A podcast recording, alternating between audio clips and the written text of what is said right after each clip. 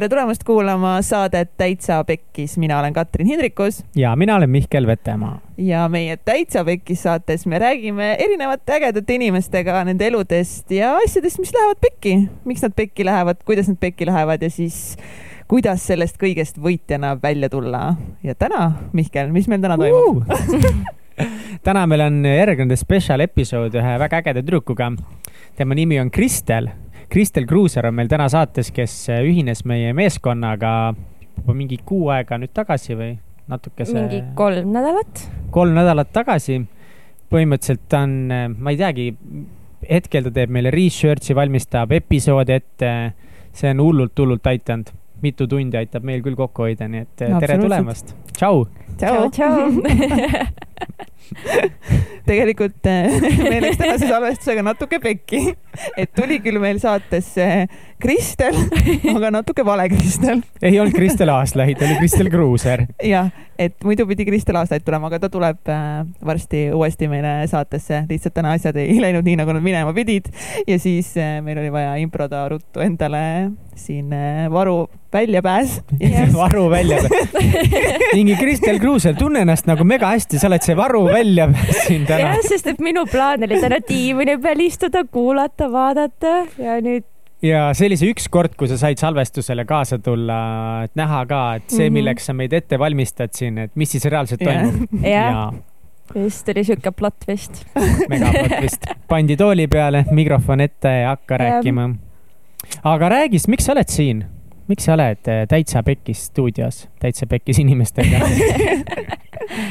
no tegelikult me juba natuke oleme teiega siin rääkinud ka, aga et siis kuulajad ka teaksid, siis äh, ühinesin teiega kolm nädalat tagasi, siis kui teil oli just tulnud episood välja, kus te rääkisite, et otsite abilisi. ja ma kuulasin teie episoode, ma olen peaaegu kõik episoodid ära kuulanud, et seal nice. alguses, kui ma veel Bookfieldil olin, siis ma ei kuulanud too hetk.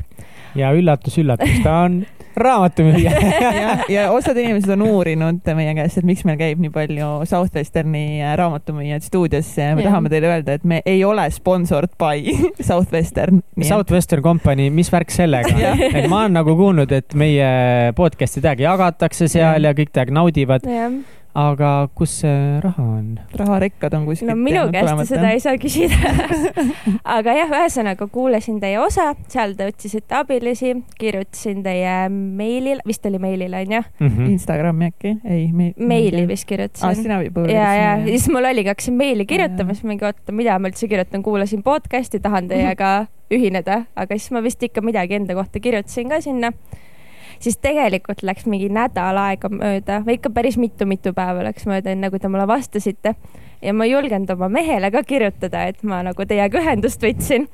ja siis ma rääkisin temaga, et kuule, et tead, ma vahepeal tegin niimoodi, et ma kirjutasin täitsa pekki meeskonnale, et, et kas neil on abilisi vaja ja nad ei vastanud mulle ja siis ta oli mingi, noh, võib-olla on siis on sind vaja ja siis oh. Kats kirjutas mulle järgmisel päeval ehk siis äkki ma pidingi lihtsalt varem oma mehele rääkima, et ma teile kirjutasin. Disclaimer kõikidele, kes meile kirjutavad, palun kirjutage meile, see on megatore, aga lihtsalt me vastame seitsme kuni kolmekümne üheksa tööpäeva jooksul. no Instagramis me vastame natukene kiiremini, sest sealt kuidagi need notification'id tulevad ja siis me ikka käime no. sellepärast meil ongi see äge tiim, kes siin kasvab, et me teeksime neid asju vähe kiiremini ja paremini. absoluutselt. kusjuures mu mees ka ütles, et miks sa Instasse kirjutanud neile, siis ma olin mingi, mõtlesin, et olen professionaalne, eks ole, aga. me oleme kogu aeg Instagramis nina, ninapidi sees seal. vot jah, aga jah, sellepärast ma tulingi, et tahtsin midagi uut ja ägedat teha. et äh, muidu ma siin äh, tegelen kooliga ja SV-ga ja töötan lapsehoidjana ja tundsin, et on vaja mingit uut väljakutset. Ja siis see väljakutse nagu andis ennast ise märku. kõikidest maailma võimalustest, mis tänapäeval on, valivad inimesed täitsa pekis saate. Jah ja ma olen väga õnnelik, et ma valisin selle. Ja, ja kes seda kuulavad ja kes arvavad, et nad tahaksid kaasa aidata meie tegemistes, siis meie meeskond ei ole veel täis. lihtsalt nagu ja ei, kõik punnitavad, aga veel on ruumi, veel on ruumi ennem kui me siin äh, asjadesse hakkame äh, süvitsi minema või ma ei tea, mis teemadesse me ütlesime, hakkame minema, aga aga enne, enne kui me lähme, siis äh, korra lihtsalt tahtsin rääkida meie Täitsa Pekkis live show'st üks punkt null ja Yay! teile väikse saladus avaldada, mis ei ole veel äh, nii-öelda siis officially meil välja kuulutatud. ärge Aga- kellelegi rääkida. see on megasaladus, ei tohi tag'ida, ei tohi Instasse postitada, aga Sandra Raju tuleb meil esinema ja ettevõtlusplokki. ja mis Mega, mega on lahe. ülilahe.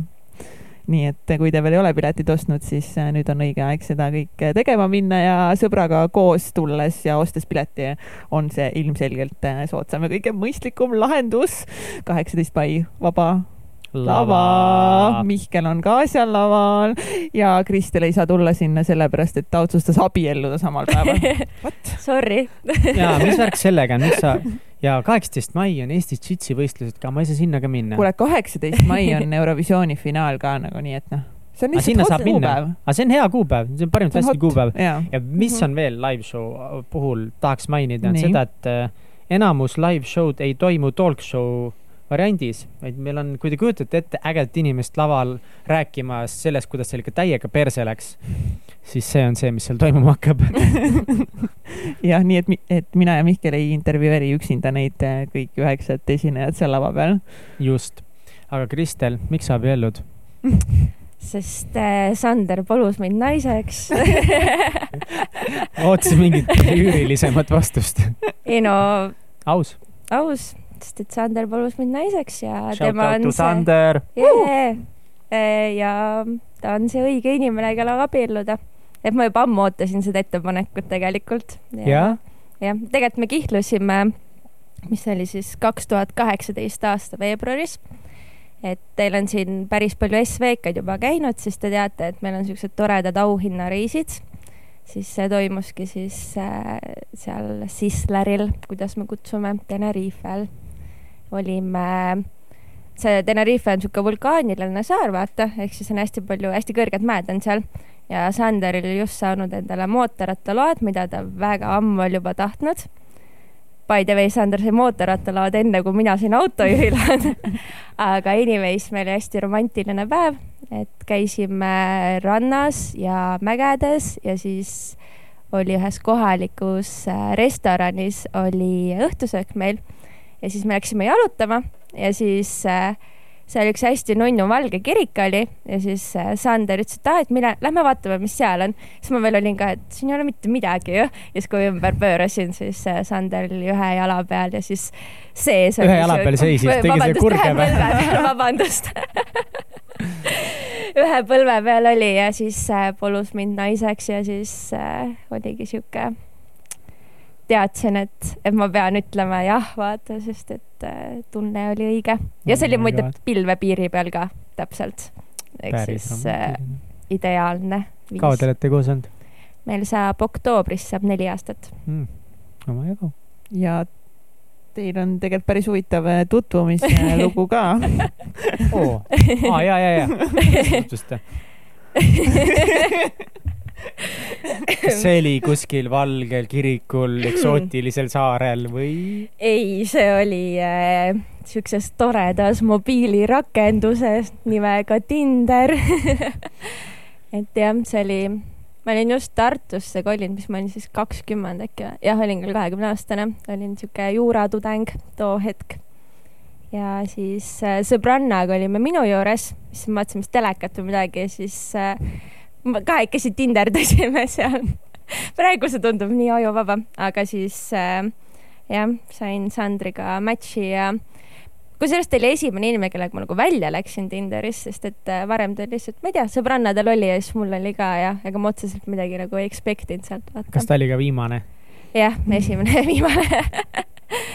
ja ta oli esimene tüüp, kes mulle normaalset teksti kirjutas seal, et sellepärast ma läksin temaga välja. uh,. nii, räägi meile palun, mida peab Tinderis kirjutama naistele? mis on normaalne tekst? no ta hakkas nagu küsimusi küsima minu kohta, vaata, et millega ma tegelen ja, ja nagu mitte isegi see, kuidas ta see esimene lause oli, vaid see, mis ta nagu vastuseks ka kirjutas, et ei pannud mingit siukest ilget mingit lamedat sebimist teksti sinna, vaid ta rääkis nagu normaalne inimene. Ja siis äh, ta vist mingi hetk seal oligi, et et mis me ikka siin räägime, et kas sa kohvi tahad jooma minna või midagi siukest, et enamasti Tinderis, nii palju kui mul kogemust oli selle lühikese aja jooksul, kutsutakse me mingi välja jooma ja nii edasi, siis ta kutsus mind kohvi, kohvi jooma hoopiski. aga me pärast läksime Rüütli tänavale jooma ka oli hea kohvi ühesõnaga? jah, me tegime kohvishot'e ka seal, aga ma loodan, et mu vanemad ei kuula seda. kindlasti kuulavad aga jah et äh, me oleme kusjuures mõelnud, et me tahaksime seda õhtut nagu korrata, sest et me käisime mingi need põhibaarid, mis seal Rüütli tänaval on Tartus. aga lihtsalt me oleme mõelnud, et me enam ei, alkoholi väga ei tarbi, et me vist ei jaksa enam seda õhtut nagu korrata, sest et äh, šotte oli päris palju seal jah. ma arvan, et me olime mõlemad närvis ka, vaata. Tinder töötab, rahvas. Tinder ja esimene õhtu kohe segi täiesti kõigepealt väga... kohvi jooma mhm. sihuke nagu warm-up ja siis Rüütli tänavale. ja siis, kui tundub, et natukesegi nagu naeratakse vastu, siis tee kohe kohvi šotte, et kinnitab diili ära.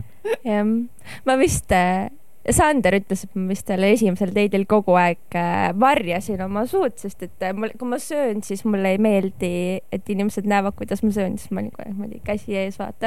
siis ta ütles, et ei näinud üldse mu naeratust, vaata.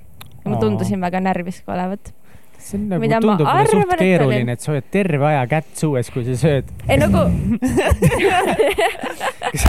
nagu panid nagu täitsa laba käe niimoodi, nina alla. ma arvan küll, jah. Aga vot see on siuke asi, mida sa ise nagu ei teadvusta endale. aga ta kas... mõnitas mind päris kaua selle pärast. kas äh, sa oled ka mõnel Tinderi date'il käinud või kuidas sul suhted üldse Tinderiga on olen. olnud? ikka olen, olen, aga ma ei ole üldse palju mul pole Tinderit vaja olnud. kuule, sa oled jumala swipe inud seda to the right and to the left niimoodi, et nagu paha hakkab, nagu arvestades, kui palju ma olen mingitel hetkel parematel, paremale poole swipe inud ja ma mingi kolm Tinderi date'i elus teinud, siis nagu mul ei lähe üldse nii hästi seal. ei läinud. no mul läks palju paremini siis. jaa, mul läks palju paremini. no õnneks mul enam ei ole vaja Tinderit. väga hea, ainult head uudised, Mihkel. jaa, mul oli üks Tinderi date oli selline, et äh, vot kuidas see oligi mm,? põhimõtteliselt äh, no see oli see, et mingi kiiresti mingi paar sõnavahetust oli, kes lähme välja jooma Läksime kohe hollikasse sest see on nagu parim koht lihtsalt, kust first date'i veeta ja me saime holli ees reaalselt kokku, me ei läinud mingit soojenduskohvi tegema, me olime mingi davai holl, davai, mingi viinašotid läheb. ja siis me olime seal, ma ei tea, hollis mingi pool tundi, tund, jumal seda teab. siis tuli mingi ekskutt välja. oh my god oh. ok ja see ekskutt oli sihuke suht nagu agressiivne tüüp ka veel ja siis ta hakkas nagu midagi seletama selle neiuga ja see neiu seletas hullult vastu ja siis ma olin nagu seal kõrval. ma olin nagu mega confused, mida kuradit ma nagu tegema peaks. ja siis see tšikk nagu paar korda alguses vaatab minu poolt, jah, ei, noh, kohe lõpetame, kõik on hästi umbes, et no worries. aga see tüüp oli ikka sihuke suht nõme vend, mingi kaks käest nagu pigistanud või midagi, siis ma nagu paar korda, noh, umbes lükkasin ta veits eemale või kuidagi. ja siis ta rääkis seal midagi edasi, siis nad läksid rääkima kuskile teise tuppa või seal hollis on kus nagu hollis mingi... on teine tuba üldse? või see, et kõrv, üks baar on nagu eraldi ruumis veits seal nagu tagaotsa.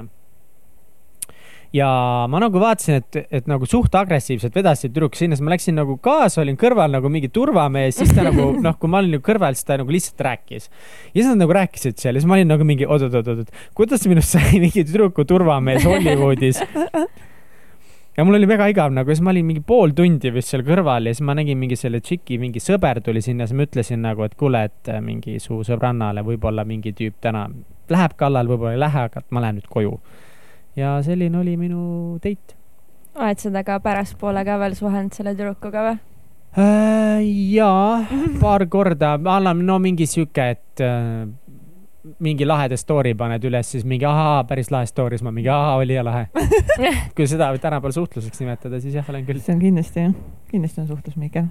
well done nagu mul kunagi, mul nagu see story tundus mu peas kuidagi veel naljakam. tegelikult see oli lihtsalt kurb see pigem oli kurb ja ei no aga respekt, et sa ikka nagu seal stikkisid äh, päris kaua nagu. see oli vastu, nii ja... tüütu, oh my god, nagu lõpp, ma arvan, ma lõpuks olin ikka mingi poolteist tundi seal nagu lihtsalt, ah aga sa tahtsid nagu head selles mõttes?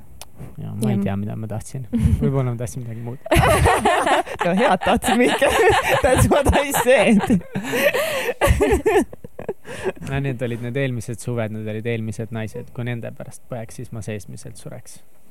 Vau. väga poeetiline. tubli Mihkel. vot, aga tuleme sinu juurde tagasi, Kristel. nüüd neli aastat hiljem käib pulmade korraldamine Suures Oos. jah, suures osas ma juba rääkisin, pulmad toimuvad nüüd neljakümne päeva pärast. Te vist teate ka, see on täitsa pekkis live show, loete ka päevi või? kaheksateist mai, ta otsustas abielluda samal päeval, kui meil on live show. tegelikult teie otsustasite teha live show samal päeval, kui mina otsustasin abielluda. kurat, võimalik. sest meie panime pulma päeva paika minu meelest kaks tuhat kaheksateist veebruar. jah, me no käisime siis kindlalt. Te isegi, ma arvan, kas te üldse teadsite, et te podcast'i hakkate tegema too aeg? ei, no vot, nii et ma olin esimene. aga jah, siin vahepeal sihuke väike pulmapaanika on ikka, eriti nüüd, mida aeg edasi läheb, sest et äh, algus tundus nagu ülihea, et pooleteist aasta peale ära hajutada, aga need kõige tähtsamad otsused ikka hakkavad nagu noh, nüüd ongi märts, aprill, mai, eks ole. aga ma lähen ka raamatuid müüma see suvi ehk siis ma pean mõtlema suveprepi peale ka praegu, oligi, et täna tegin enda esimese müügisaikli ära ja vot enne kui ma siia tulin, sihuke tunne, et ma pole elu sees ühtegi raamatut varem müünud. aga ma tean, et aeg on ja tegin endale, eelmine nädal tegin siukse prep-plan'i ka ära ja ma arvestasin pulmad ka sinna sisse ja ütlesin Sandrile, et äh, temaga pean vahepeal lihtsalt müügi, müügi neid äh, tsükleid harjutama, et mul ei ole valikuid kas pulmade korraldamine on raske? Kas sa korraldad üksi neid? mul tegelikult on abilisi ka, et äh, üks tüdruk aitab mind, Kristin Seemen, et ta tahab saada pulmakorraldajaks, et kõik, kes kuulate, siis võite talle kirjutada.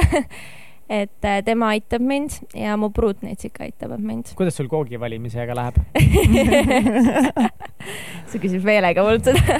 tead, see koogi valimisega läks alguses ikka väga pekki, sest et äh, ma kunagi töötasin ühes kohvikus, kus ma tahtsin sealt tellida, see on Tallinnas, siis ma avastasin, et äh, kohalevedu maksab umbes sama palju kui koogi hind.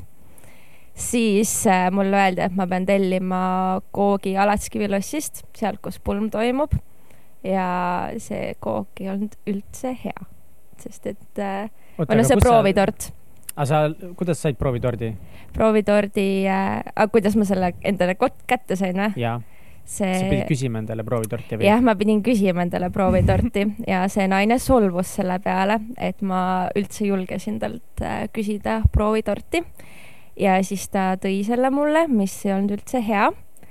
ja ma täiega kartsin talle nagu anda seda feedback'i, et see oli halb tort, siis ma läksin, kuna mu mees on Poolas, siis ma läksin Poola tema juurde külla ja siis ma mingi pisarates ütlesin talle, et ma ei julge talle helistada nagu sellele naisele, sest et mulle ei meeldi anda siukest väga negatiivset äh, feedback'i, sest et äh, ma enne siin mainisin, et sinna kooki pole minu arust üldse suhkrutki pandud. et noh, kook võiks ikka magus olla. ja siis Sander helistas sellele naisele ja siis mingi hetkel see naine oli, et okei okay,, tavaliselt pruudid tegelevad sellise asjaga ütles niimoodi telefonis või? jah, ja Vot. siis äh, Sander ulatas mulle telefoni, kuule, sa pead nüüd edasi rääkima, siis ma täiega mingi käsi värises seal ja siis ma rääkisin kogu selle jutu ära, et miks ma rahul ei olnud, vaata.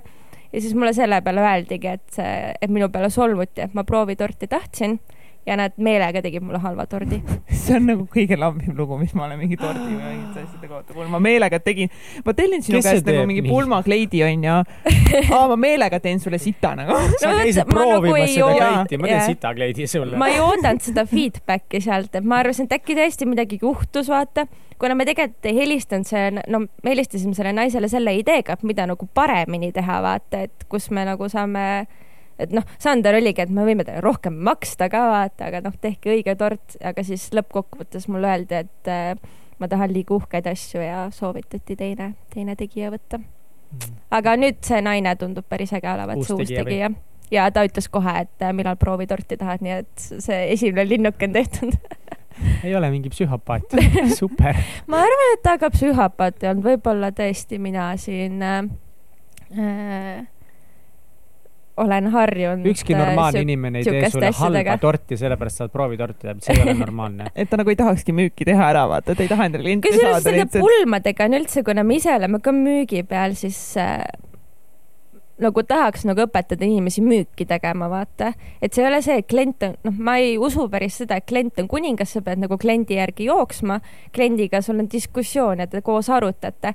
vahepeal mul ongi sihuke tunne, et äh, võtame inimestega ühendust ja me peame tegema nii, nagu need asjad on, et noh, minu arvates nagu müük ei, noh, eriti pulmadega, ei ole see sihuke müügitsükkel, vaata et äh, kui ma olen juba selle teenusepakkujaga võtnud ühendust, siis pigem on see koostöö kui see, et mulle dikteeritakse nüüd, kuidas see minu pulmatort või kuidas see minu valgustus või mis iganes peab nüüd äh, välja nägema. et see veits häirib, et ma näen, et Eestis on väga palju arengukohti seoses pulmadega. Tahaks ise aidata täiega palju inimesi. kas on veel pulmadega väljakutseid korraldamisega? jah, et äh, siin äh, alkohol on üks asi kindlasti. miks? seda peab No- vist väga palju olema või? no veits ikka võiks ju olla, no vaata. võiks jah. ja selles, et eks me siin teame ka, et enamus eestlasi käib ju Lätist toomas alkoholi mm. -hmm. et siis oligi, et kui me tegelikult võtsime toitlustajaga ühendust, siis äh, siis meile alguses tehti ülipikk monoloog, et ei tohi ühtegi pudelit olla Läti maksumärgiga, mis mul isegi peas ei olnud mitte kunagi olnud, et okei okay,, et miks ei tohi? no mingi nende mingisugune reegel või ma ei tea, aga mul ühesõnaga ma isegi ei olnud kunagi mõelnud selle peale, et keegi hakkab mingit äh, algsi sinna sisse smuugeldama, aga alguses tuli see monoloog sinna, vaata. ja siis tundus, et äh, pakuti neid kõige kallimaid tooteid, vaata, aga kui sul on ikkagi sada inimest pulmas, mis meil on, vaata, okei okay,, kaheksa neist on lapsed, vist on kaheksa, siis äh, noh, ilmselgelt ma ei pea seda kõige kallimat veinipudelit sinna, mis maksab äh, seitsekümmend viis CL-i kaheksateist eurot pudel, eks ole. ja see võttis äh, ma jällegi selle suunasin, kõik rasked asjad ma olen Sandrile suunanud, mida ma mingi, kuule, ma ei viitsi sellega tegeleda, palun aja see korda, siis minu meelest Sander rääkis alkoholi, alkoholiga läbi mingi tund aega äkki või? et saada nagu normaalset hinda, et, et see ei oleks sama kallis kui kogu pulmapidu kokku. aga te peate siis nagu kõik tellima sealt Alatskivi lossist mm. -hmm. kõik nagu ma asjad? ei taha nüüd mingit bad PR-i sinna saada. ei, nagu see koht on mega, mega ilus äh,, nagu noh, ju ülilahe, ülilahe mm. -hmm. koht, kus teha nagu pulma, Mhm. aga ma kujutan ette jah, et see nagu rahaliselt ja kõigest paneb päris suure nagu põntsu, kui sa nagu ei tohi iseenda poolt nagu mitte midagi kaasa tuua, eriti kui me räägime alkoholist, mida ju pannakse nii suure juurdehindlusega sinna. jah, vaata, see oli nagu okei okay,, et me nagu ei expect inudki seda, et me nüüd äh, hakkame ise algsi sinna tooma, aga vaata see, et sulle kõige kallimad valikud sinna pannakse, et noh, sa võiksid ikkagi nagu mõelda selle no nad peale nägid. kohe ära, et teie rahhi on, vaata. asja. oh my god, ma vaatan Alatskivi lossi pilte praegu, ma ei mäleta, milline see välja näeb. täiesti lõpp, see on nagu See kuskilt muinasjutu muinasjutust ja jaa. vau. et kui wow. me kihlusime, siis meil ei olnud isegi nagu küsimust, et kus meil pulm toimub, me teadsime, et me abiellume seal, sest et äh, Sandri, Sander on nagu sealt äh, kõrvalt äh, külast pärit Mm. Palalt. et äh, Mega shout out to Pala inimestele, et Nice. et see on, mis ta vanemate kodu on mingi viieteist, kahekümne minuti kaugusel, et siis äh, ilus koht ja kui mina ise olen Tallinnast pärit, mul ei ole nagu otseselt mingit kodukoha tunnet, et Tallinn kõik on nagu igal pool olen kasvanud üles, eks ole, siis äh, see on Sandri, Sandri siis lapsepõlvega seotud koht. Mõned abielluvad lossis, noh, meie abiellume küünis näiteks. kusjuures, kusjuures et varem nagu noh, et lihtsalt just, just saying rahvas, et noh. Wedding goals. ja ka- kas kuskil küünis Läti piiri lähedal, et külalised saaksid ise tuua algsi. nagu ilma naljata, see on nagu Lätile päris lähedal. me toome kindlalt nagu kõik algsi päris kindlalt Lätist. toome selle Lätist nagu. ja sada prossa. aga küünipulmad on tegelikult täiega ägedad, et mul varem oli ka sihuke Pinterestis juba enne, just enne kui ma Sandriga kohtusin, siis ma olin sihuke, ma olen sihuke väga tüdrukulik tüdruk, et mul on iga asja kohta Pinterestis oma kauss, siis mul alguses oli hästi palju neid küünipulma pilte just. Ja siis, kui ma Sandriga kohtusin, siis ma sain aru, et vist läheb sinna lossi mis poole. läheb lossi, ei ole siin mingit enam mingit maatüdrukud kuskil küünis. Sander, mingi prints oled või? ja mis. värk on Sander, kirjuta meile, mis värk sul on sellega? päris hinge, ma ise tegelikult olen unistanud ka kuskil lossis just abielluda mm. -hmm. mingis siukses kohas. ja No, see no, Alatskivi davai. loss on täiega ilus ja noh, seal noh, ega see loss nüüd täitsa halb ka ei ole, et see toitlustuse pool on natukene noh, näiteks soojatoidu see proovisöömine oli nagu super hea, et äh, käige seal restoranis ja aga vaata, lossi ruumid on hästi-hästi ilusad. mis ma vaatan, Mihkel? vaata Facebooki korra, seal me ei pea rääkima. ei pea rääkima, mida? mis seal on? meil on siin äh, eetrivaikus eetrivaikus. ja me siin oh, tegime salajaseid asju. me vahepeal, me võime teha live, live, Laivi. eetris salajasju ka. Kristel, räägi, kas raamatu müümine on raske? ega ta kerge ei ole jah. kuidas sul äh, nagu välja tuli, sa tulid sealt elusana tagasi, tahad kaine peaga nagu veel uuesti minna? kaks aastat on ta juba ma olen mind. kaks täpselt. aastat käinud jah. kindlasti kaine peaga no aga läks sul midagi pekki suvel? no ma olen kaks suve käinud, ehk siis mis ta teeb siis kuus kuud olen Bookfieldil veetnud, et ikka on monkisid olnud, et äh, aa, issand, üks story mul tuleb nüüd äh, tollest suvest, mis mul nüüd oli, et mul käis üks äh, first year käis äh, follow mas mind ehk siis äh,, kas ma pean tõlkima ka, millest ma räägin või? First year ja follow mine ja andke andeks, et meil nüüd raamatumüüd ei oska eesti keelt rääkida. ja, ja on mingid terminid, millest nagu muu maailm väga aru ei saa. ja no first year on siis see esimest korda tuleb raamatuid müüma ja follow mine on siis nagu töövarjupäev. Ja see oli kuskil suve keskel või no mingi jah, suht, mul oli üsna hea nädal. Ja see poiss oli mind terve päeva siis töö varjutanud ja õhtul ma viisin ta siis sinna kohta tagasi, kuhu see poiss oli enda auto jätnud.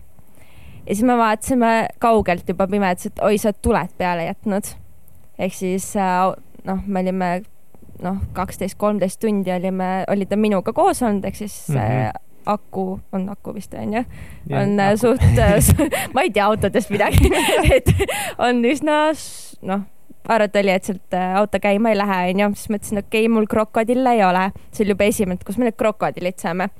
see, kui me sinna autole lähemale jõudsime, siis see poiss oli, Kristel, ma ei tea, kus mu auto võtmed on. ta oli päeva jooksul need autovõtmed ära kaotanud. ehk siis tal oli auto seal surnud.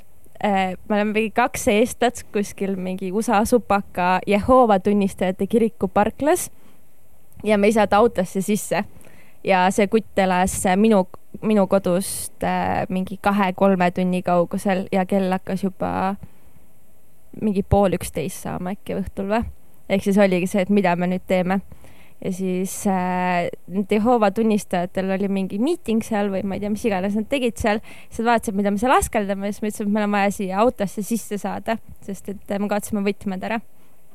et siis oli nagu kõige suurem manki, mis mul olnud, kui ma tean, et ma peas mõtlesin, et nagu mida kuradi, et ma nüüd teen selle poisiga siin Jehoova tunnistajate kiriku parklas.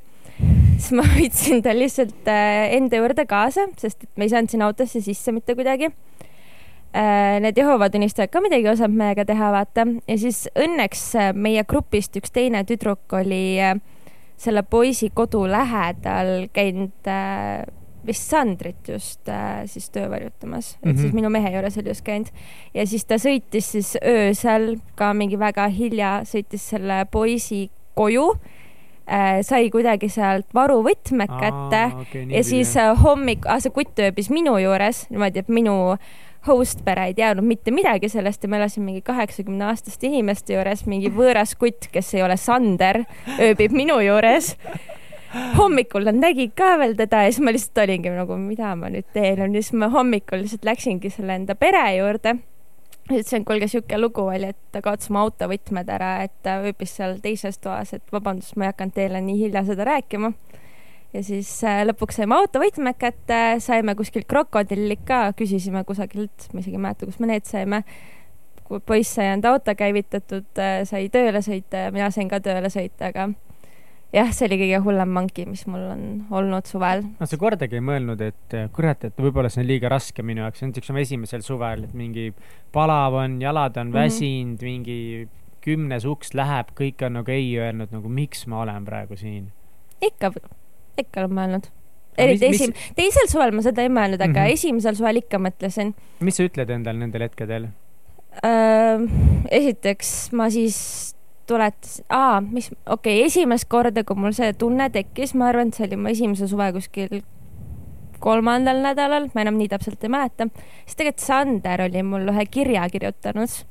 Siukse, kuna ta on mu mänedžer ka, noh, Sander nagu värbas mu sinna või õigemini mina ise ütlesin talle, et kuule, ma tahan su tiimi tulla, tegelikult oli niipidi.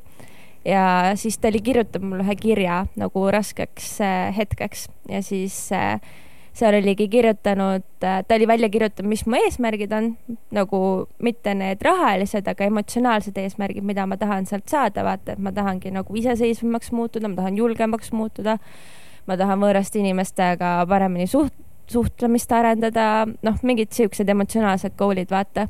ja siis äh, ta kirjutas äh,, mida ta minust hästi arvab, et Mm. mm. äh, õigemini noh, too hetk, esimene suvi, me ei olnud nii palju abielust veel rääkinud, aga seal kirjas oli see, miks ta kunagi tahab minuga abielluda ja seal ei olnud mitte sõnagi seotud sellest, et, et ma pean raamatuid müüma selleks, et ta Mhm. minuga abielluks. Mhm. siis ma lugesin selle ära, see kiri on mul siiamaani alles, ma kusjuures vaatasin seda mingi paar nädalat tagasi veel ja seal on isegi pisaraid näha, vaata.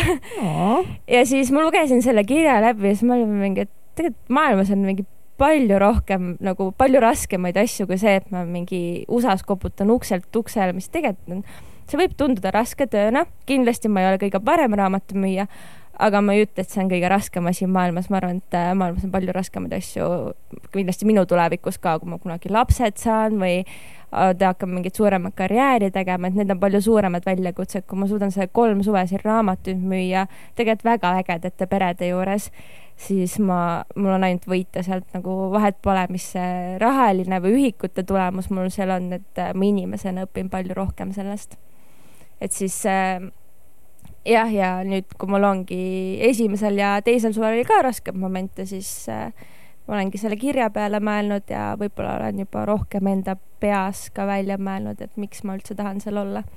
Mind väga raha ei motiveeri, võiks võib-olla rohkem motiveerida, võib-olla müüks siis ühikute mõttes rohkem ka, et ma tegelikult olen suht sihuke Harju keskmine vaata olnud nagu statistiliselt ka, et siis äh, aga võib-olla siis ei ole nagu meant to be, vaata. Mm. Te jäite nii, nii tõsiselt vaatama mind sa. väga hästi rääkisid, see tegelikult nagu siin on nii palju kohti, mis üldse, et no mida teha, kui sul on raske hetk, et äh, noh, kui sa midagi proovid saada või midagi ajad Mhm. taga, sul on täiega raske hetk ja sa ei, ei viitsi või ei taha, et siis noh, et kui palju sulle annab see, kui sul on see tugev eesmärk, millele mm -hmm. Mhm. saad uuesti toetuda või sa loed seda kirja või sa vaatad oma mingit vision board'i või sa mm Mhm. -hmm. lihtsalt mõtled, et tegelikult, mis oli see, mida ma tahtsin saavutada mm, Mhm. -hmm. et sa nagu keskendud sellele uuesti ja, aga kui mm Mhm. -hmm. sa lugesid selle kirja seal siis esimest mm Mhm. -hmm. korda läbi, mis siis sai? Äh, Istusid, pühkisin, ei, kusjuures ma olin nagu enne, see oli vist esimene kord, kui ma nagu nutma hakkasin Bookfieldil. ma vist, miks ma üldse nutma hakkasin, et olen siin varem ka raamatumüüjad käinud, et mul on Jaagu story meeles, kuidas Jaak rääkis, et aga kaart läks pekki ja kol-, koputas juba kolmandat korda ühe ukse peale. no minul juhtus sama asi, ma arvan, kõikidel, kes on vähegi, ma arvan, et teil juhtus ka, et koputasite ühele uksele mingi miljon korda minuga see tädi ei olnud kuri, aga ma ise läksin nii nagu frustreeritud, et mis mõttes ma olen jälle siin, vaata onju. ja siis see ajas lihtsalt nutma. ja siis ma nutsin ja siis oligi vaata korraks oli siuke tunne, et miks ma siin olen. Sander ütles, et kui sul kunagi tekib siuke tunne, et miks ma siin olen, ava see kiri, vaata. ja siis ma avasin selle kirja, siis ma pühkisin pisarad ära ja vaat-, siis ma võtsin vist uue tänava ette, aga mul oli ka täitsa lappesse läinud see kaart mm -hmm. seal mis äh, võrreldes sellega, kui äh, Jaak või Sander või ma ei tea, Gerda on teil siin käinud, onju, et kui nemad olid esimest korda Bookfieldil, siis meil ei olnud seda, nüüd me teeme iPad'i, vaata, et meil on nagu eraldi programm, kus me siis märgime majade peale, kui teie olite first year'id mm. -hmm. siis te tegite kaart. vihik ja, Vihik, onju. hardcore vihik. ja ratta peal sõidad ühe käega, täitsin vihikut, ma sõitsin Just, ühe just. korra, sõitsin seda vihikut täites mingi džiibile tagant sisse täiega no vot, et noh, tegelikult mu elu oli väga lill, ma pidin iPad'i lihtsalt maha märkima, nii et ma ju onju ma ei saanud sellega ka hakkama. aga ma õppisin, et äh, nüüd, nüüd olen ära masterdanud selle, et oskan. aga tegid tolle päeva siis tublisti lõpuni ära ikka, ikka mm. -hmm. ei ole mingit kojuminekut, mis asja. ma arvan mm, -mm. Mm -mm. sihuke asi ei kõlba. et ikka päeva peab alati lõpuni tegema, et vahet pole, kui, kui raske see on, siis ikkagi päeva teed lõpuni. ja mis on asi, mis sa võtad kõige rohkem raamatumüügist ellu kaasa? mis sa ise arvad? julgus kindlasti, et äh, enne esimest suve ma kindlasti ei olnud nii julge inimene, kui ma, ega ma nüüd ka mingi maru julge ei oleks, aga ma kindlasti tahan rohkem võtta väljakutseid rohkem vastu. miks sa tahad julge olla, miks sa tahad väljakutseid vastu võtta? nüüd oleks elu igav, ma arvan. ma ei ole nõus nagu üheksast viieni elu lõpuni siin rassima, vaata. väljakutsed on head, vaata. hoiavad noore, okei okay,, mitte mingi vanaks, ma olen kakskümmend kolm praegu aga wow. selles mõttes nagu hoiavad noorena ja hoiavad tegusana ja külmkapis elamine hoiab noorena. et ma arvan, et kui sa teed palju, siis sa jõuad palju ka, vaata. Mhm. et äh, praegu ka tegelikult nii palju eri, erinevate asjadega igapäevaselt tegelen, aga samas ma nagu otseselt ei arva, et ma teen mingit rasket tööd, vaata, aga mul on hästi palju erinevaid siukseid pisiasju, mida ma teen ja need teevad mind õnnelikuks. et noh, teid abistan siin, onju, siis ma tegelikult olen full time lapsehoidja, mul on viis last, keda ma niimoodi järjepidevalt hoian. Et siis äh, fun. oligi vaata praegu noh, vaat kuulajad mu riideid ei näe, aga ma täna olin mingi kolm tundi kuskil liivakastis Kadrioru pargis, nii et ma, ma tunnen, et ma olen mingi liiv sokkides praegu. et jah, vot. väga cool. mulle meeldivad need äh, raamatumüügi põllulood, et oled seal põllul ja kuidas sa ületad neid igapäevaseid raskusi. mäletan mm. -hmm. ise ühte hetke, kui ma ei mäleta, mis täpselt juhtus, aga ma mäletan ka, et noh, keegi ütles a la mingi ei, aga no lõpuks ta, kõik need oli kulmineerunud ja väsinud ja mm. -hmm. ja kõik muud asjad ja koduigatsust mul ainult ei olnud, mulle väga meeldis olla Ameerikas nagu. mul ka ei ole, hästi paljud räägivad koduigatsusest paljudel on jah. võib-olla ja vaata, noh, mina läksin raamatuid esimest korda müüma, kui ma olin äh,, issand, ma vist too suvi sain, mul on suvel sünnipäev, ma vist sain kakskümmend kaks äkki, oota. jah, kakskümmend kaks sain too suvi, ehk siis ma läksin kahekümne ühe aastaselt äh, müüma. ehk siis ma juba olin nii kaua, vaata noh, selles, et ma ei olnud mingi kaheksateistaastane, vaata. ja koduigatsust mul ei olnud, sest esiteks Sander oli ka Bookfieldil onju. ma olin juba Sandriga peaaegu kaks aastat too hetk koos elanud, eks ole Mm. ehk siis ma tean, et see kodus, kui ma isegi koju lähen, siis kodu on ikkagi tühi, vaata Sander on ikka Bookfieldil, vaata. et noh, mul seda koduigatsust see ei võib-olla olnud. aitas kaasa. ma mäletan tol päeval küll lõpuks nagu vist oli mingi jumala tore ema, kes nagu üle megapika aja, keegi oli mingi, aa davai, ma ostan umbes kõik ära, aga tule Mhm. õhtul koju, kui mul see mees ka on. ja siis issand, mul tuli meelde, okei okay,, seda on nagu räägitud, et lähed õhtul tagasi ja mingi mees cold on Jah. jah. et see nagu ilmselt ei lähe hästi, aga noh, kuidagi ma olin rumal ja ma olin, sa ikka loodad, et alguses ikka- jah. usu mind, ma olen ka, ma olen tegin seda esimesel suvel, teisel suvel tegin ka. No nüüd kolmandal suvel loodame, et ei tee, vaata. omal nahal pead ikka kõigepealt ära tundma, ma ikka nagu ei uskunud teiste lugusid, pead ikka ise äkki minema, siis ma läksin siin ukse taha mingi mega õhtul mingi mega hopeful, ai, mäletan mega hästi veel, ma jõudsin sinna maja ette rattaga ja see tüüp tuli täpselt nagu samal hetkel autost välja vist. Ja, jah, ja siis ma nagu umbes sel hetkel, kui autosse kõndis, jooksin mingi tema kõrvale mingi hei, et mingi ma siin käisin su naisel päeval külas ja mingi issand, algus oli päris hea juba. ja ala midagi siukest, ma käisin su naisel siin päeva ajal külas ja mingi väga tore oli, et ostab mult raamatuid umbes, et noh, davai, teeme ära või siis ta oli mingi, et umbes, kes sa oled, kao minema. Ja ma olin nagu ülišokis, ta läks tuppa, siis ma koputasin veel ukse peale mingi, et ei, ei, et kõik on nagu räägitud, umbes räägi temaga ja siis ta saatis mind minema ja siis ma läksingi närvi enda peale, sest ma teadsin, et see läheb umbes nii, siis ma võtsin oma mapi, lõin selle mingi vastu maad peaaegu puruks siis ma olin üks hetk, ma võib-olla tol hetkel nutsin ka vist ja mul tuli mingi pisar silma ja ma olin lihtsalt vihane ja lõin mingi jalaga vastu kivi ja ja siis võtsin ratta ja sõitsin vist koju ära. ja kutsusin mis kell järgi. oli? Ma ei mäleta, ei olnud liiga palju, kindlasti ei olnud nii, oli varem, kui oleks võinud koju minna. ma arvan, mingi viie ajal võib-olla oli midagi siukest. ja siis mingi tüüp tuli autoga järgi, mul olid mingid äh, lahedad inimesed, kes viitsisid aidata mind täiega mm, -hmm. Mhm. et nagu. ai, alati on. ja et noh, et kui liiga kaugele umbes õhtul lähed, et viskan su autoga ära, et saad kiiremini. ma esimesel suvel töötasin ka, mul ei olnud esimesel suvel autojuhilube, siis ma töötasin ka kolm kuud rattaga. nüüd tagasi vaadates ma mõtlen, et issand jumal, et autoga on ikka palju mugavam ja lihtsam ja lõbusam töötada, aga jah, ma, mul oli ka hästi palju toredaid inimesi, kes äh, kogu aeg äh, pakkusid, noh, vaata päeval nagu kohtud nii paljude inimestega, vaata, on need äh, noh, demonstratsioonid, vaata, ja siis isegi kui need osta, siis ma ikka tavaliselt küsin nad muide, et noh, et kas te õhtul mind koju saate visata, vaata. enamasti iga päev leidsin. uskumatult abivalmid mm -hmm. inimesed, see on Süüa ebareaalne, mis asja, ameeriklased on nagu on, mõned on nii rumalad, aga nad on mega abivalmid. ma olin yeah. Texases, kus hullud sõbralikud inimesed. ma olin ka, teine suvi oli Texases. olid jah? ma olin Labokis äh,. igatahes seal on hästi palju kirikuid oli ka tolles piirkonnas ka ja nagu ma ei tea, kõik mm -hmm. on mingid kirikuinimesed, hullud abivalmid nagu reaalselt mulle anti mingeid jalgrattaid ülipalju, mul oli vist mhm. mingi viis-kuus jalgratast suvega. mul oli seitse esimesel suvel ma mõtlesin, et ma näitan selle ära okei okay,, mul seitset kindlalt ei olnud, viis või kuus oli, aga üks oli täiesti tutikas, otse niimoodi garaaži seina pealt mm -hmm. võeti. aga ma pole kunagi kasutanud seda, mingi, mingi aasta-kaks mm -hmm. aastat, vana ratas oli umbes, täiesti nagu nägi tutikas välja. oh my god nice., autosid anti ja. kas sa töötasid autoga või? Äh, vahepeal ka? ma deliver dasin, viisin raamatut kohale autoga mm -hmm. hiljem. Kass, kas sa töötasid rattaga või autoga? rattaga töötasin esimese nädala, siis sain aru, et kuulge rahvas, nagu see küll mingi inimväärne elu ei ole ah,. Okay. ja siis ma ostsin auto endale sealt koha pealt niisugune vana Lincoln Town Car'i. aga mul ei olnud lube, ma sõitsin ikka ringi seal. ja, see oli kohe nagu nii et enam meil lihtsalt, äh, kes siin kuulavad ja mõtlevad, et SV-s lubatakse siukest asja teha, siis enam ei lubata siukest asja. et äh, load peavad ikka olema, kui sa autoga sõidad. ja, ja ei saa. ma olen ka story's, ma olen äh, kuul-, vaata see Ameerika suvi, see film mm -hmm, oli ka, vaata mm. -hmm aga nüüd äh, ei, et me oleme ikka korralikud inimesed ja load peavad olema. ja, ja ei, no kui mina käisin ma ei tea, kas Mihkel, kui sina käisid, kas sa pidid kohe ise endale kodu otsima või? Nagu jaa, me nagu koos uksele... otsisime seal jah.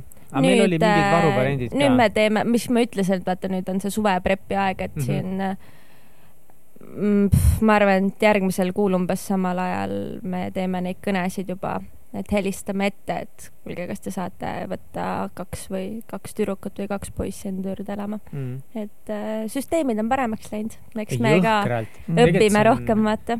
või no mis asja, ma olen kaks aastat business'is olnud, aga noh. see oli ülikõva programm juba, noh, see oli kakskümmend aastat tagasi oli mm -hmm. väga kõva programm juba, kui ma mõtlen, kuidas nüüd näiteks viimase kümne aastaga Eestis kui süsteem, noh, enne süsteemne on ta, kui veel süsteemsemaks, kui hea PR on, kui läbimõeldud süsteemid, kui mm -hmm.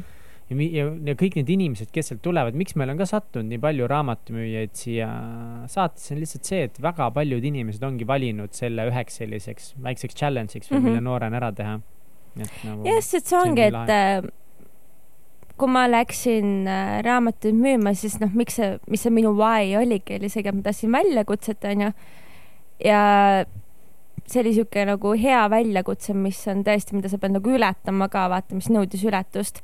ja kui me seda praegu enda kahekümnendates ei tee, siis noh, kolmekümnendates vaevalt, et me hakkame mingit uut väljakutset enda elus vaata otsima, vaata, et siis on juba rohkem nagu äh, ma ei tea, muud, muud väljakutsed mm., ma juba eeldan, et kolmekümneaastaselt on vaata, kui see, et ma lähen kuskile kolmeks kuuks välismaale raamatuid müüma või, või niimoodi. on küll mm. -hmm ei nagu see kolmekümneks saamine on väljakutse. jah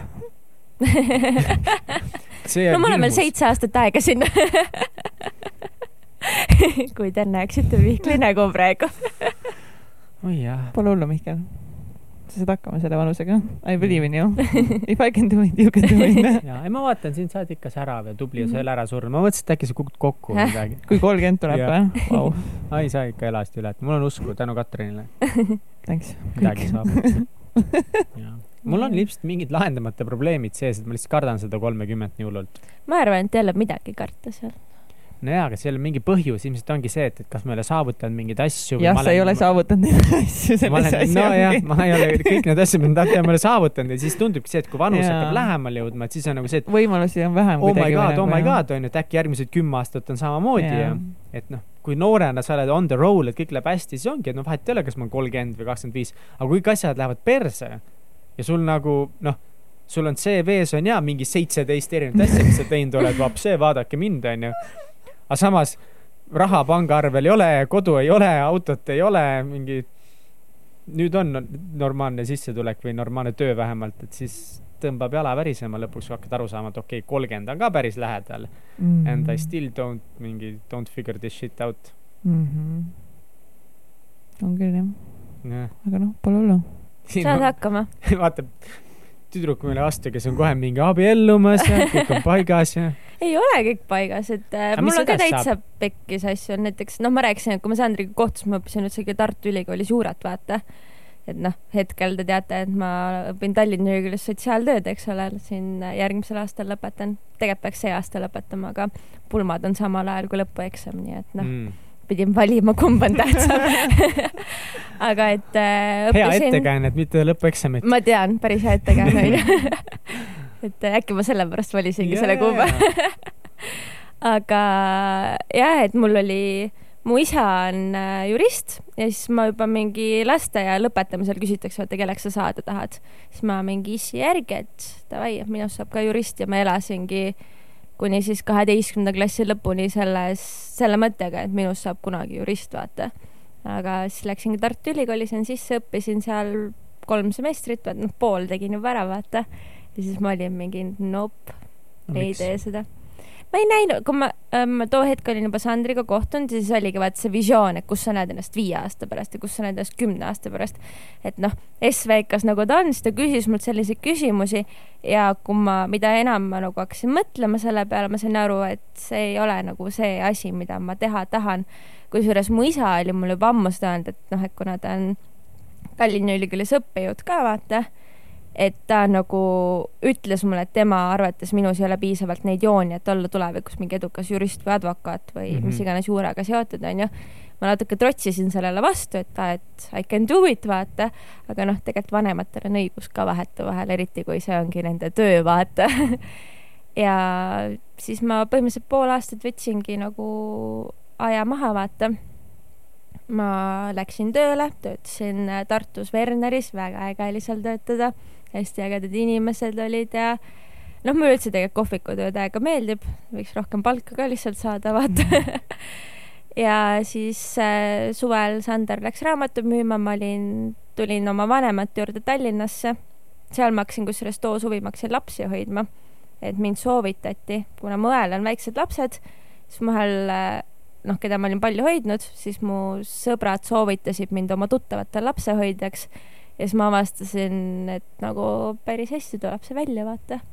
ja siis ma teadsingi, et äh, sotsiaaltöö, noh, mitte et ta nüüd ainult lastega seotud oleks, et seal on tegelikult ka nii palju muid elemente mm. -hmm. aga ma lihtsalt hakkasin vaikselt erialasid nagu selle pilguga vaatama, päris lasteaiakasvatajaks ei tahtnud minna õppima, et tahtsin nagu, kus saab nagu vajadusel ka mm -hmm. kuskil edasi liikuda. aga kas sind ei hirmuta sotsiaaltöömaastikul see, et palgad on näiteks väga väiksed ja, ja sul ei ole võimalus ise mõjutada väga palju, väga paljus töökohtades oma palka, et minu jaoks on üks asi see, et kui ma kuskil lähen tööle, siis ma pean alati tundma mm, -hmm. et, et mul on nagu hästi tööd tehes, noh, võimalik mm -hmm. näiteks ka päris palju rohkem raha saada, et peavad olema mingid variandid, et kui ma tean, et siin on, noh, mingi lagi on mm -hmm. ees ja sa ei saa seda mõjutada, see tundub mega hirmus. no sotsiaaltöötajatel on ka, ega sa ei pea ainult mingi kohalikus omavalitsuses töötama. ma ei tea üldse et on ka muid töökohti, näiteks sotsiaal, noh, ma ei tea, ettevõtetes vaata, et sa ei pea otseselt nagu mm. sotsiaaltööharidusega saab minna ka teistesse kohtadesse, vaata. ja noh, mind isiklikult tegelikult rohkem tõmbab koolide poole, vaata aga noh, eks ta palk ole tõesti sihuke küsitava väärtusega. mu ema ütles selle peale, et sa pead rikka mehe endale leidma lihtsalt Fun fact, aga aga kui sa ei oleks Sanderiga koos, kas sa, kas sa siis näiteks kaaluksid võib-olla rohkem seda, et, et, et, et, et, et kui ma võtan sotsiaaltöö näiteks eriala mm, -hmm. mis selles mõttes nagu mm -hmm. fuck, I love it mm, -hmm. inimesed peavad seda tegema, see on mega oluline mm, -hmm. ma lihtsalt ei saa aru kuidas neile palka ei maksta, mis värk sellega on? no eks ta ole, miks õpetajatele maksta palka, et tegelikult meil on nii palju, okei okay,, me läheme väga tiipi, aga. aga miks ei palju... maksta? Miks no see on maksa? juba riigi, noh, mina ei oska sellele küsimusele vastata. kui ma oskaks, ma vastaks sellele mm. -hmm. ma mhm. arvan, et äh, see läheb sinna kõrgemate inimeste poole no,. aga on. rääkides sellest palgast, et äh, ma olen kogu aeg nagu väga palju asju korraga teinud ja kui ma nagu läksin sotsiaaltööd õppima, siis ma teadsin, et ma suudan nagu välja figurdada. et mm., et sa leiad muid asju ka, eriti tänapäeva mingi sotsiaalmeediate, kus Mm. sa saad mingi iga kell mingeid asju müüa ja toota ja ma ei tea, mingeid lisahobisid teha, et ma teadsin, et kui väga vaja on, küll ma midagi välja figurdan, vaata. mm.. et sellise, noh, ikka ma mõtlesin selle peale, vaata okay.. ja noh, siiamaani mõtlen selle peale. et noh, praegu mul on ka mingi kolm erinevat asja, mis toob mulle mingi raha sisse, vaata. Mm. et eh, noh, tegelikult on suht, vahel on see, et saab mingi klassikaaslastega kokku ja kõik mingid ägedad töökohad, vaata, onju. mis sa siis teed, siis ma enamasti olen lapsehoidja, vaata. Siis nad vaatavad siukse pilguga, et okei okay,, onju, ma olen rahul oma tööga, vaata. tegelikult inimesed vaatavad siukse pilguga veits, et nagu, et noh, no umbes, et noh, sa, noh, see on kehvem, vaata, sa oled kehvem meist. jaa, ikka vaadatakse, aga mul on suht savi, sa vaata sellest. kehvem umbes, see, aga see ongi mm. -hmm. nii haige Mm. ja ma arvan, et nagu see inimestel kuidagi see ka, et nendel töökohtadel on madalamad palgad ja siis inimesed suhtuvad kuidagi yeah. sellepärast kohe mm. -hmm. üleolevamalt nagu sellesse, võib-olla mm. -hmm. no võib-olla see ei ole nii hull, aga no ma olen näinud ise ka, kus inimesed Jah. Käituvad ikka halvasti. aga samas noh, teie ka siin teete nalja, et millal ma Eestis üldse olen, et ma ei tea, et teised mu sõbrad ei ole mingi iga kuu kuskil reisidel, vaata mm. -hmm. enamus mu reisid makstakse mm -hmm. kinni mulle. mm. -hmm. et aga sa näed väga palju vaeva selle nimel ja Jah. see on nagu vinge. Mhm. aga lihtsalt on ongi, et see. Mhm. suhtumine on nagu nii nõme. mm. -hmm. Aga pluss ma nagu mõtlen, sina oledki aktiivne inimene, sulle meeldib täiega teha mm Mm -hmm. erinevaid asju, sobid mm Mhm. -hmm. selleks, aga kui mingi inimene tahab olla õpetaja, Mm ta -hmm. tegelikult ei peaks olema nii, et nii hind, kooli on ju, kiiresti mm -hmm. lapsed, need viienda klassi värdjad, need panen paika, kuues klass juba normaalsem, esimene klass meganunnu onju. Mm -hmm. nii, siis koju hindad kõik need kontrolltööd ära mm -hmm. ja siis vaatad, davai, nüüd ma pean veel mingeid vitamiine müüma veel kaks tundi. Ja siis võib-olla mingid, noh, ma ei tea, ma lähen aga see ei pea mingi nagu lapsi., noh, ma pigem leian, et inimesed võiksid neid asju teha, mis neile nagu reaalselt no jaa, aga mõni meeldib. tahab võib-olla elada nagu kolmetoalises kodus No kesklinnas no,, mitte ühetoalises Mustamäel. siis nad võiksid Jaagu raamatuid rohkem lugeda. jaa, ei, see on variant nagu kõik see panna raha kõrvale, ma ütlen, et see on nagu mõnedel mm. -hmm. erialadel lihtsalt ülemäära keeruline mm. -hmm. Väga-väga keeruline. kindlasti on, aga jah, ma arvan, et äh, kui inimestel on väga suur tahe, siis nad tegelikult leiavad ka, et võib-olla osad inimestele meeldib selles mugavustsoonis olla ja ja mitte leida väljapääsu, et nad otsivad hullult, et keegi teine tooks neile selle, avaks selle ukse, vaata. aga vahel inimesed peaksid ise Mhm. endale uksi avama. no aga miks peaks mingi õpetaja no jah, selles, et noh, see jah, kui me räägime palga erinevusest, siis jah, ta võiks olla mingi rahuliku südamega magama minna ja keskenduda selle jaoks, et meie nagu mingi tulevik Jaa. oleks mm. -hmm. seda küll, me rääkisime veits erinevatest asjadest praegu. Ah, Äh, okay, selle- okay. palga osas jah, võiks kindlasti olla, et äh, siin äh, äh, mu ema kusjuures töötab sotsiaaltöötajana ja Sandri ema töötab õpetajana, et Mhm. noh, ma olen kindlasti selle poolt, et nad saavad minu meelest mõlemad võiksid saada oma töö eest palju rohkem palka. eriti veel Sandri ema töötab väikse kooli algklasside õpetajana, kus minu meelest ta teeb palju rohkem tööd, kui ta peaks tegema, et siin vahel, kui me külas käime, siis ta räägib enda neid lugusid seal, mis seal toimub, siis me oleme mingi, et sul on vaja abilisi sinna, aga pole neid, eriti veel maa kohta pole nagu neid abilisi võtta. siis ma vahel üritan enda mingi nõu ja jõuga aidata. pean ta nime ütlema või? ma ei tea, kas ta lubab, okei okay., Malle Sildver. aa, noh, perekonna jaoks ikka ütleme, kuigi see oleks lihtne välja kuulata. Malle, kuule, shout out sulle, ülitubli oled, nagu me täiega Yes. armastame sind ja Jah. toetame sind. Okei okay,, ma ei tea, kuidas nüüd tegelikult toetada, ainult sõnadega. sõnadega me usume temasse sellega jaa. ja ülitubli üli nagu tõesti, ma Mhm. armastan hullult neid õpetajaid, kes teevad seda sellest nagu suurest missioonist. Mhm. ja ongi, mul on endal ka nagu mitu õpetajat, kes ikka noh, nad on nii erilised kuidagi mm, -hmm. Mhm. et see muudab täiesti noh, see jätab sulle jälje terveks eluks. Mhm. We love you, Malle. vot, ma isegi ei mäleta, mis see küsimus oli, millele ma vastasin. me pole nagu enam. kas me küsime tulevikust. Kristelilt äh, välkküsimusi ka või? Nonii, me võime küsida, muidugi. teate, ma isegi ei tea neid välkküsimusi peast, siin osad külalised äh, teavad neid peast ja mina, kes ma nagu technically töötan teie jaoks, isegi ma ei tea neid peast noh, Technicali Oh, no. ei tööta meie jaoks. aga no ma aitan teid. tiimiliige. tiimiliig, aa no Jah. okei okay., thanks. täitsa pekkis pere. jess. noh, tulista, Mihkel. Ähm, sa tead küll oma esimest küsimust peast. Come on, you can do mul it. on täna tunne, et mul on vaja seda notepad'i siit lahti sul on võtta. arvutisse kirjutatud need, sul Jaa. on tavaliselt märkmikus. alati arvutis nüüd. aa, davai. mul pole kunagi neid märkmikus olnud, et sa teaksid. nii, kas sul on olulisi rutiine või harjumusi, mida sa teed igapäevaselt või iganädalaselt? jaa, on küll äh,. hommikuti ärkan ülesse, siis ma tegelikult õhtul olen pannud endale vee, sidruni ja soolaga valmis. see on kõige esimene asi, mis ma ära joon eh,, noh, enne olen hambad ka ära pesnud, vaata.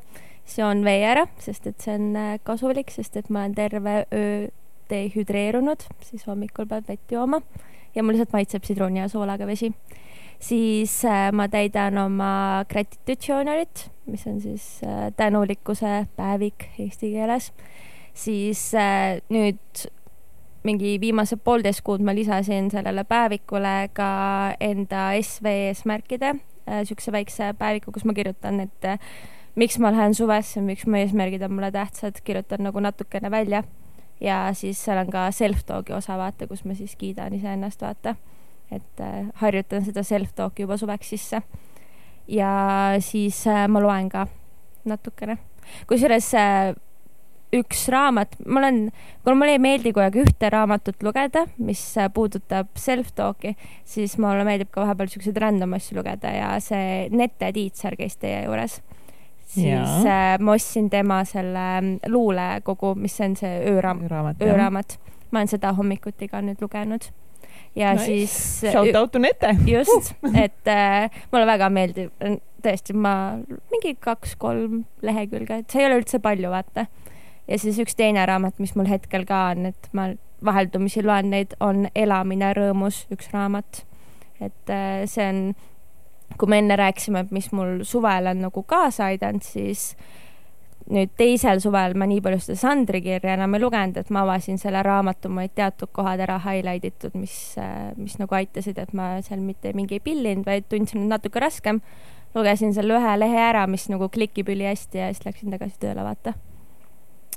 Mul on nice. päris palju rutiine hommikuti. väga hea. aga milles sa väga hea ei ole? me enne rääkisime laulmisest, laulmises ma pole üldse hea. mille üle sa oled kõige uhkem oma elus? kõlab väga imelikult, imalalt, aga tõesti, ma olen Sandri üle väga uhke, et äh, Mm. kuidagi hästi klapime ja töötame oma suhte nimel. et ma tõesti olen uhke selle üle. Nice. aga mis on kõige pöörasem asi, mis sa elus teinud oled ja kas sa teeksid seda uuesti? ma arvan, et SV ongi sihuke päris pöörane asi. mul ei ole väga pikk elu olnud, et äh, siin jõuab veel pöörasemaks jõuab veel. pöörasemaks minna, aga teeksin kindlasti uuesti ja teades, milline ma enne SV-d olin, siis äh, väga paljud mu tuttavad ongi öelnud, et ma poleks elu sees uskunud, et sa lähed sinna, vaata. et jah, mis on edu võti? töötada iseenda kallal, iseendaga. lihtsalt olla pidevas protsessis, et saada paremaks ise, paremaks versiooniks siis iseenda juures. skaala küsimus või? ühest kümneni või? ja kui veider sa oled? kui veider sa oled? No seitse-kaheksa, ma arvan. mis su veidrused on? no võtan mingeid imelikke väljakutseid vastu, ei ela võib-olla seda normaalset jutumärkides elu, et mul ongi mingi kolm töökohta ja crazy schedule ja keegi kunagi ei tea, millal ma Eestis olen ja tegelikult ma päris palju Eestis, aga reisin ka palju, vaata ja siis ma ei tea. Taliujumine oli mul vahepeal väga suur veidus, mäletate, kui te käisite, siis ma ütlesin, et ma käisin isegi taliujumise MM-il ja issand jumal, mulle üldse ei meeldinud see oota, kui kaua sa siis kõige kauem oled seal nagu ujunud aja, ajaliselt seal vees? ajaliselt, kus mina ei tea, mingi viis minutit äkki või? ma nii palju tegelikult seda aega ei ole mõõtnud, et me lihtsalt käisime nagu regulaarselt iga nädal ujumas ja tegime trenni ja kui ma MM-iks trenni tegin, siis ma tegin tavabasseinis ka trenni, et enda aega nagu parandada. sest ma vanasti olin ujuja ja siis mul ei olnud, ma ei olnud kaua aega ujumas käinud. siis äh, ma tegin paralleelselt. me peame ikka uuesti tegema seda järgmisel aastal. nagu praegu siis, saab ka käia ei no ujumas. siiski reaalselt, kui mingi jääga seal kõik ümber No no,, kui see eriti vastik välja praegu, näeb. praegu on ka päris külm. kusjuures kergem on hakata harjutama nagu ilma jääta ja, siis järjest minna. suvi läbi nagu ja suve lõpus ka kogu aeg järjest külmem. suvel tali ka ümber.